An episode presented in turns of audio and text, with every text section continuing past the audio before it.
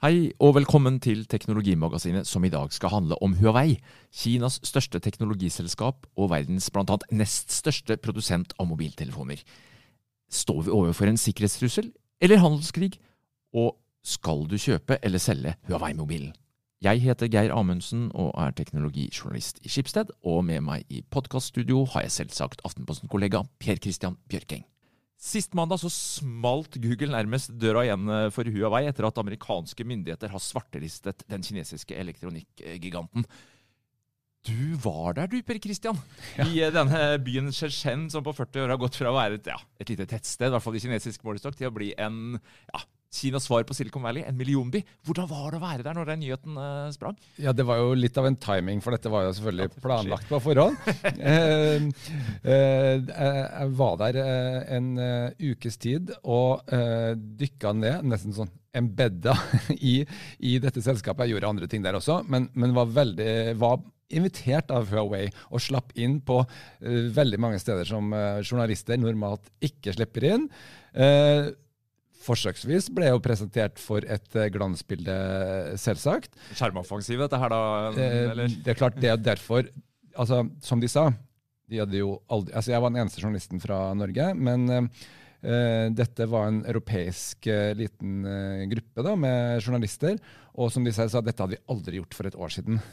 De har store troverdighetsproblemer og har da bestemt seg for at ok, det vi skal gjøre med det, vi skal prøve å være åpne og invitere folk inn, i stedet for å uh, bare ikke svare. Uh, en påfallende åpenhet uh, som jeg ikke har sett uh, f.eks. fra Samsung eller Apple. Mulighet til å besøke liksom, sikkerhetssentre der liksom, det mest sensitive kontrolleres. Fa fabrikklinjer altså en, en, masse ting som vi fikk oppleve og se. da, Og i hvert fall høre deres side av saken. Men Var det en troverdig åpenhet? Sitter du med den følelsen at du liksom fikk se alt, eller var det et litt sånt spill for uh... Jeg fikk eh, et inntrykk av at dette er et selskap som egentlig har jobba med dette ganske lenge. Fordi at de har jo skjønt, de skjønte allerede rundt 2010 at de hadde som kinesisk leverandør eh, et stort troverdighetsproblem. Fordi det som skjedde da, var jo at de skulle levere 4G-nett til eh, hele verden, og har jo levert det til over 130 operatører og blitt verdens største på det. Og for å fikse det, og for å liksom, du har jo på en måte hele tida i bakgrunnen dette her med at kinesiske myndigheter er de som kikker inn i dette selskapet eller ikke, ikke sant? så har de da eh, lagt opp til en sikkerhetstenkning som er rett og slett eh, veldig avansert, og som er basert på transparens. Sånn at uh, når jeg f.eks. besøkte da, de, de, har da en egen sikkerhetslab som sitter og kontrollerer uh, alle produktene. Den skal angivelig liksom, Idealet da, er at den skal være uavhengig av resten av selskapet. Og der er det en sikkerhetsoffiser som, som, har myndighet til å si stopp på uh, produkter som er klare for markedet, fordi at han finner en eller annen glipp. da. Det høres jo tillitvekkende ut, Per Christian, og ikke minst overfor kunder. da, men og, og vi, fikk også, vi, fikk også, vite hvor mange, hvor mange, ting de hadde stoppa. Det var ganske mange. sant? Ok, Så de har eh, ja, ja. en liste med ja. ting som har blitt stoppa av dette eh, angivelig uavhengige sikkerhetssenteret som sitter da internt og skal Så Med de siste årene da, så har dette antallet gått ned, fordi at uh, angivelig da, uh, de har da klart å trimme organisasjonen på å finne dette her før, uh, før um, feilene er klare for å på en måte produseres. ikke sant? Sant? Um, og da har de et veldig sånn rigid system. Uh, sikkerhetssjefen, da. Uh, hvis du ikke slipper forbi sikkerhetssjefen, så blir produktet ditt uh, utsatt med først én måned. Det er lenge, altså, i den sammenhengen her. og så etter det, hvis du ikke klarer den andre testen heller, så er det tre måneder. Og klarer du ikke den testen, så det, kommer du ikke på markedet. Det er liksom tankegangen her, da. Selvfølgelig så er det jo fortsatt en del av Huawei. Så det, det er jo ingen egentlig eh, garanti, dette her. Eh, så, ja, jeg antar at det sto vel ingen bakdører som kinesiske myndigheter kan komme sniken inn på denne lista, eh, som de har oppdaga, vil jeg tro? Nei. Eh, og, eh, og, da er det heller at de støtter seg på De, de innser jo da for så vidt også at nei, men selv ikke dette er tilstrekkelig til å være tillitvekkende. og Derfor så har de da tillatt eksterne å komme inn i dette sikkerhetssenteret. Så det, har, det var sånne egne rom da, for uh, uh, kunder, som da i praksis er f.eks. Vodafone, store operatører, Telenor. Ja, Telenor Telia, ja, der står det liksom, På døra så står det liksom bare 'Top uh, Secret Customer Zone'. og der slipper ikke sjefen, da, som viste meg rundt, heller ikke sjefen slipper inn der. Der skal de på en måte, operatørene da kunne forsikre seg om at dette er trygt da, på forskjellige måter. Men du slapp ikke inn med mobilen din. Jeg tenker litt om Hvordan var ja. det å komme som journalist? da? En ting er inne i Kina, og vi vet jo alt der med firewaller og hva den måtte være. Ja. Si litt om den opplevelsen. da. Funka det med ja, bruk av PC og mobil? Og... Ja, Det første som skjedde, var jo at jeg hadde tabba meg ut. sånn at jeg hadde jo ikke installert nok For alt er jo basert på at du må bruke VPN. Du slipper jo ikke til med Google-tjenester i Kina i det hele tatt. Og da har du et kjempeproblem som en typisk norsk bruker, sånn som vi er på, i, Schibsted-systemet. Vi har jo da Google e-post f.eks. og masse sånne tjenester som vi bruker derfra. Så det var jo ganske lamma. Og da hadde jeg heller ikke hadde bare lasta ned VPN på én eh, mobil, og ikke på, på maskina mi, ikke sant, f.eks. Og det var et styr uten like eh, å prøve å få installert det etter at jeg kom, for da er det da myndighetene som har en masse sånn Uh, murer som skal hindre deg til å slippe ut og hente. For VPN er noe som kan beskytte deg. Ikke sant? Du har da på en måte en, en privat forbindelse til Norge, og så kommer forbindelsen din ut fra Norge og ut til verden, sånn at uh, du er trygg. Men det som skjedde, var jo at den aller første dagen da jeg drev og jobba med dette her, prøvde å omgå systemet, prøvde å finne VPN og sånn, var jo at Mac-en min fullstendig smelta ned. Ikke sant? Den gikk i forsvarsmodus. og... Så om det da er noen myndigheter som sitter og kikker på det, eller om det er uh, maskinens eget forsvarssystem som inntrer, det var i hvert fall umulig å gjenopprette maskinen. Det var rett og slett eh, som en eh, murstein uh, resten av turen. og selv om vi har koder og sånn som jeg kunne få tak i hjemme fra Oslo da, for å egentlig åpne, så, så den, den, den, bestemte seg for å ta fullstendig kvelden. Men etter hvert så lærte jeg meg systemet, og så lenge du da har VPN oppe og står, Eh, så kan du Det er jo litt problemer knyttet til det, men du stort sett kan du da uh, benytte tjenester uh, sånn som i Norge, faktisk. så lenge du har det. Og det er veldig vanlig også blant kinesere å bruke VPN. Mm.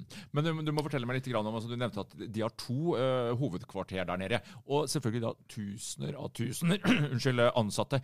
Uh, jeg har jo et sånt litt sånn, kall det litt fordomsfullt bilde av hvordan det ser ut på en sånn uh, kinesisk uh, fabrikk, uh, et, et sånt konsern. Du, du fortalte for eksempel at du fikk jo ikke snakka, det var ingen som ville kommentere dette med, med Google forrige uke.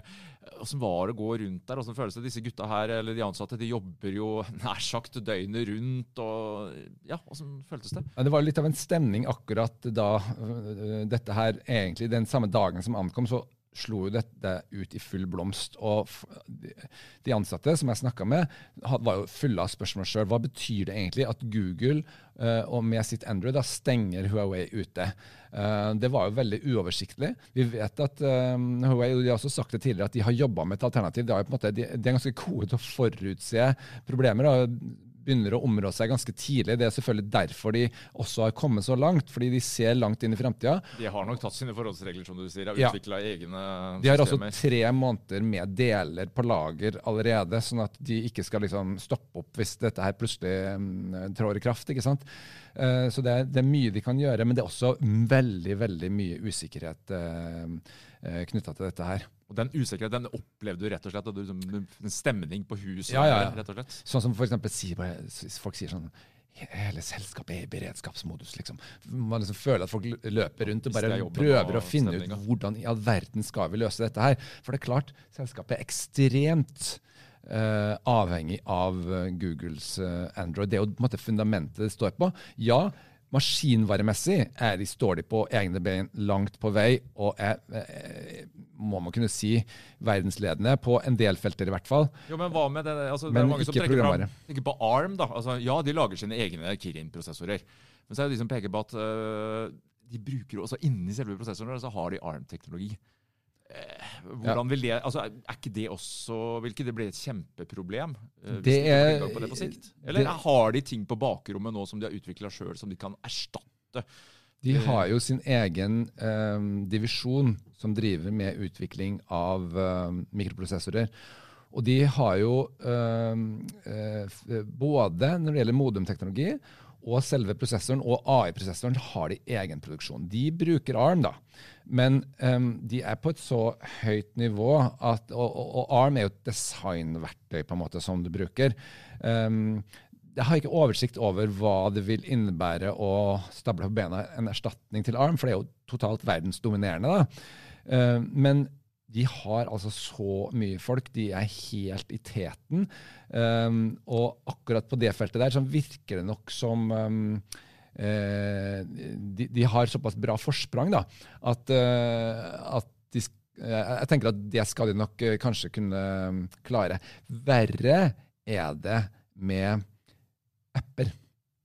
Ja, ikke sant? For de, de har jo noen de har jo Per i dag så har de jo altså De utvikler sitt eget system der òg. Altså det er jo snakk om at de kan komme og brette ut sin egen appstore, sine egne applikasjoner som du skal bruke. men det ser litt tynt ut, kanskje. Ja, altså, I hvert fall for, for oss her i, for det som er uh, realiteten her, er at Asia er jo verdens maskinvare, eh, arnested. Det er der alt sammen kommer fra, hovedsakelig. Også når du kjøper en iPhone, så er det jo produsert i Kina. ikke sant? Men på programvare den er jo produsert i USA. Og i hvert fall veldig mye av det vi eh, bruker her. Ja, for det produseres jo ting i Asia, men det er jo ting som vi holdt jeg på å si, vi, vi, har knapt nok hørt om det, eller vi har hørt om det, men det er jo en helt annen, helt annen verden, rett og slett, når det gjelder innhold. Ja. Så For kineserne så er det ikke sikkert det er like alvorlig. Jeg mener Google er jo allerede utelukka eh, fra markedet der, så det er ikke så alvorlig. Men tenk deg å selge en um, um, Huawei-telefon i Norge dersom det skulle vise seg at nei, på den kan du ikke bruke Facebook.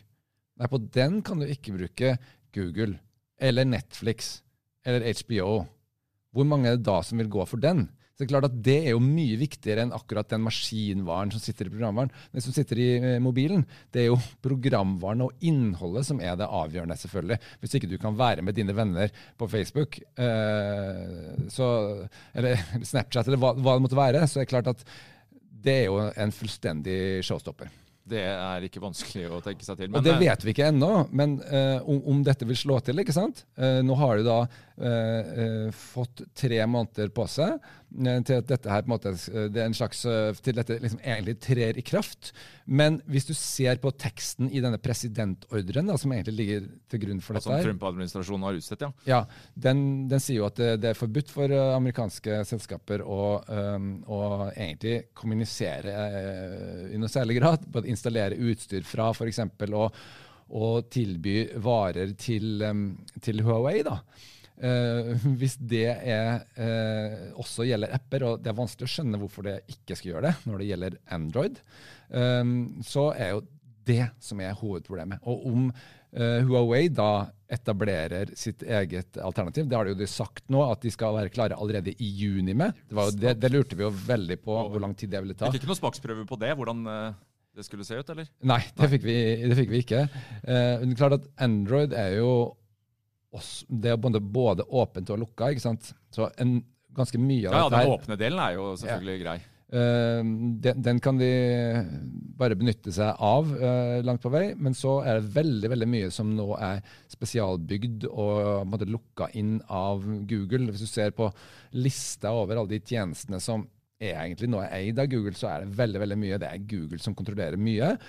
Og vi gjenstår å se da, hva de klarer å, å bygge opp. Men hvis de, må, hvis de, ikke kan bruke appene som, uh, som Google bruker, så ser det litt mørkt ut, spør du meg. Jeg tenker at eh, Ja, de er jo nå kallet svartelista, da, amerikanske myndigheter. Men hvis du spoler tida ett år tilbake og ser på prosessen rundt ZTE, altså den nest største er det vel teknologiselskapet i Kina, det begynte jo også med en tilsvarende sanksjonering.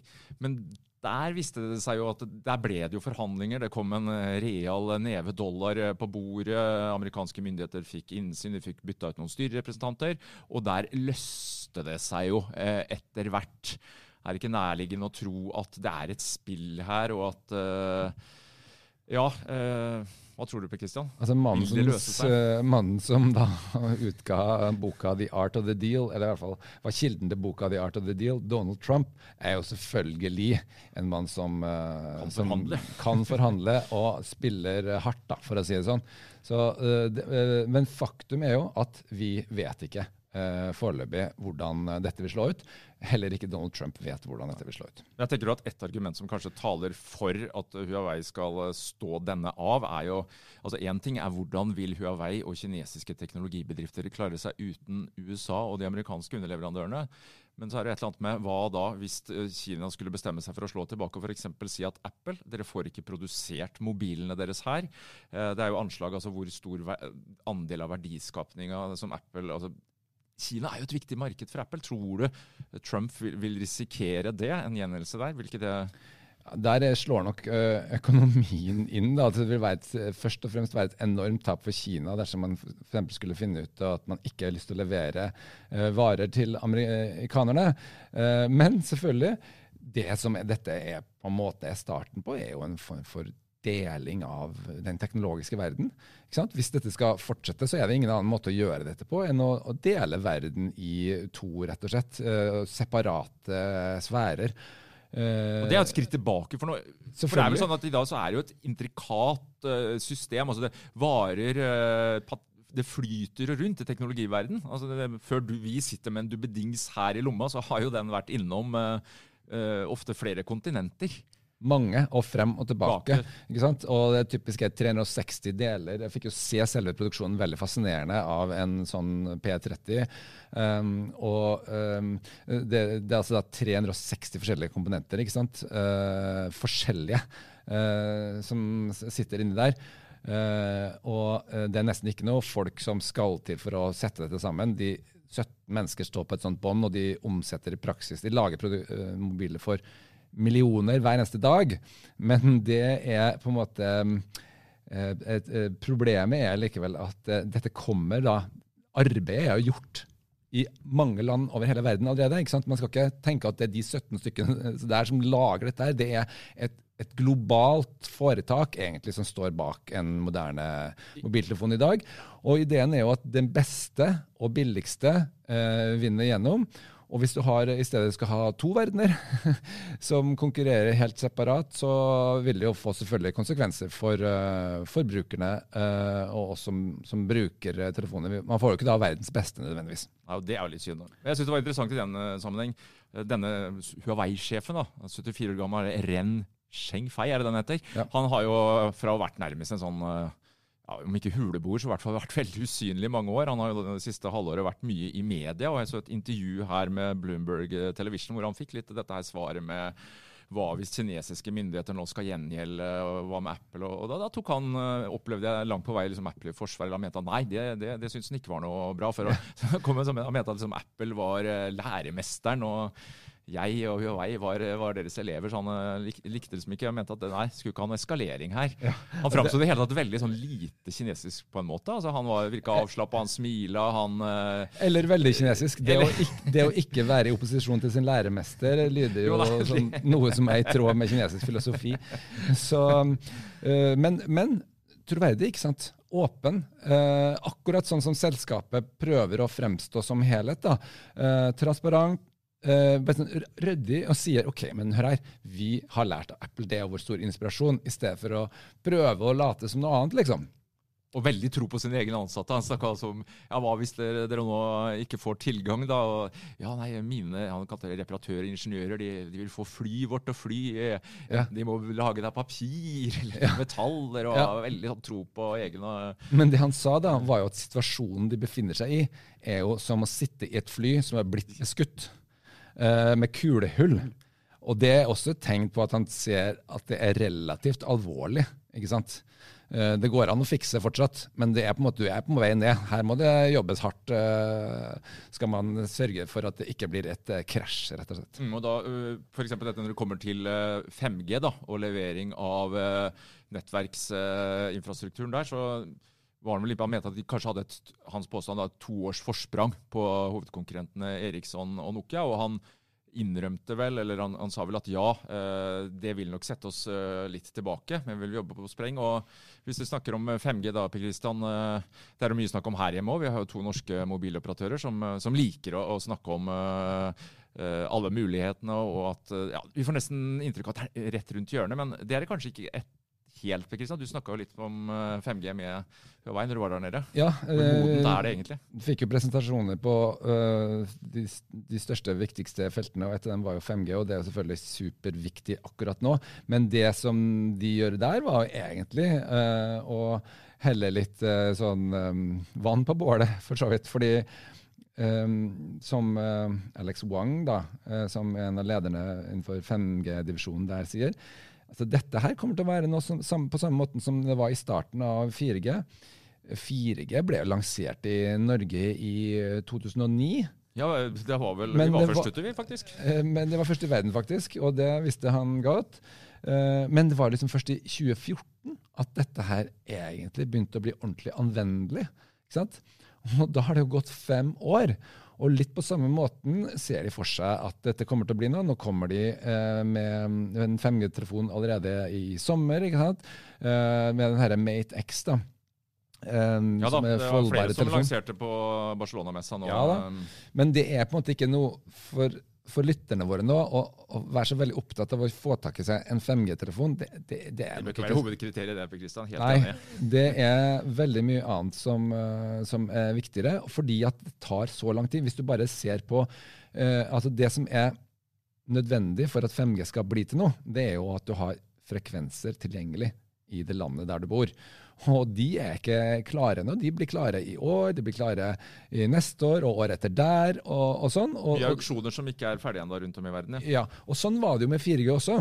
Det var jo først da du fikk de lave frekvensene og den lange rekkevidden som følger med det, at 4G eh, plutselig ikke sant, Husker du vi hadde jo der, vi hadde 3G, det var liksom bare akkurat i, i et kvartal rundt uh, i, midt i byen. ikke sant, Og så var det da sånn 2G eh, eller GPRS som var liksom utpå Med en gang du beveger deg litt utafor.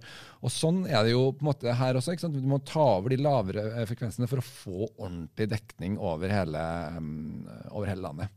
Det er det heldigvis uh, ser, bra ut i Norge. Da. Her har vi både politiske myndigheter, vi har telekommyndigheter og en bransje som har vært forutseende. Ja, men det, det, vil ta tid. Det vil ta tid, ja. ja. Men vi har bestemt oss for at når det digitale bakkenettet, altså TV-sendingene, stenger, så skal vi bruke det til mobilbredbånd. Vi har, så med norske øyne så, så blir dette veldig, veldig bra. Mm. Uh, avslutningsvis, Per Kristian. Uh, det som kanskje mange tenker mye på når de kjøper mobil, det er jo kamera. Og når du nå var hos Huawei, da, jeg tenker på mobilkamerakvaliteten har jo vært kjempegod. Uh, Huawei P30 Pro, som du har brukt i det siste. Mm. Du fortalte meg at du hadde med deg 5D-en din, altså speilrefleksen din, én kilo på skuldra, men du tok deg faktisk i å bruke mobilkamera mest. Jeg antar at ikke det bare var for å smigre Huawei?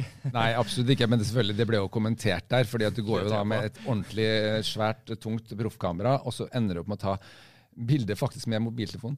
Og jeg må jo bare si at på dette feltet så jeg hadde ikke egentlig innsett Jeg har ikke brukt Eh, nå tok jeg med aktivt med en sånn lånetelefon fra uh, Huawei fordi at jeg hadde lyst til å prøve den. ikke sant? Og så så jeg egentlig i reportasjesituasjonen da, hvor utrolig hendig spesielt den vi, sånn ultravidvinkel som de har, er. Du er ofte inne i litt sånn, litt sånn trange steder og sånn, skal ha gode bilder likevel. og Da trenger du ordentlig vidvinkel. Og I tillegg så har du jo da en zoom som er bedre. har jo, altså, Typisk situasjon er at når du har en, en sånn fullformat uh, speilrefleks som en proffene har. Sånn det er jo kjempedyrt kamera, flere 10 000 kroner. ikke sant? Men de er likevel veldig begrensa av uh, telen.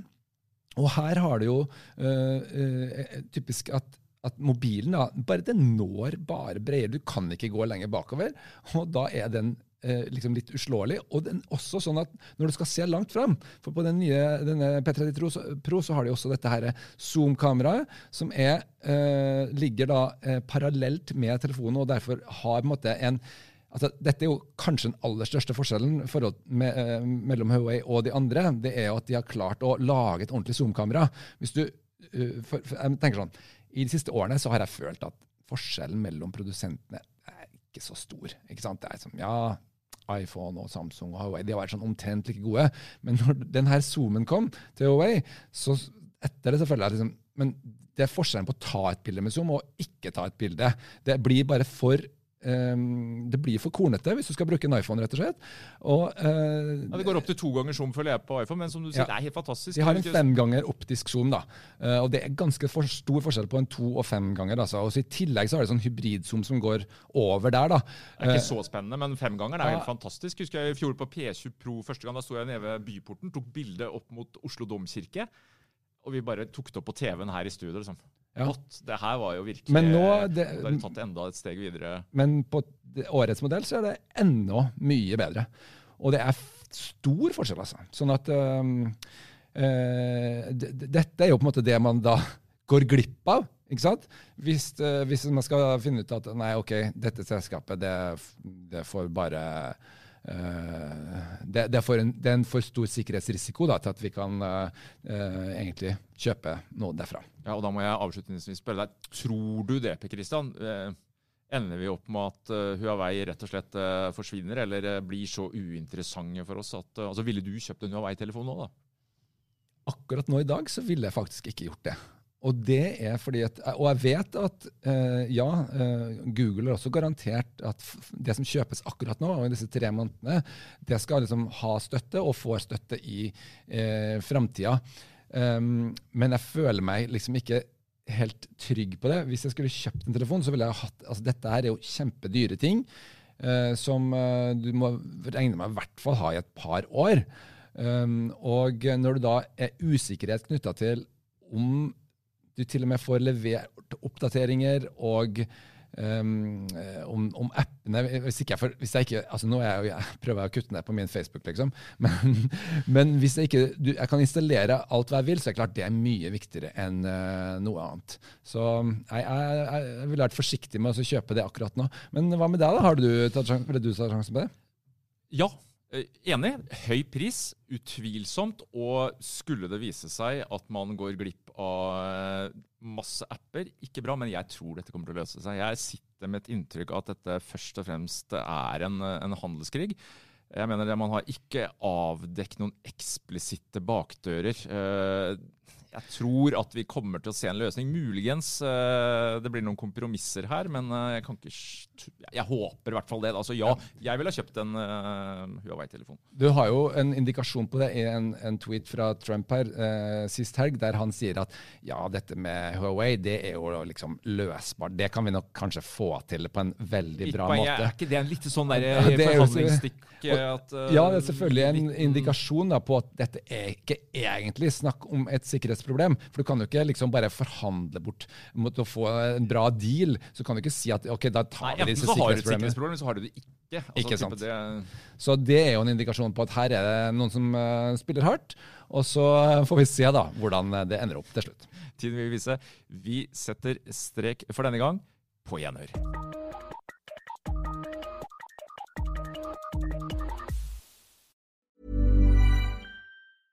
Selling a little or a lot?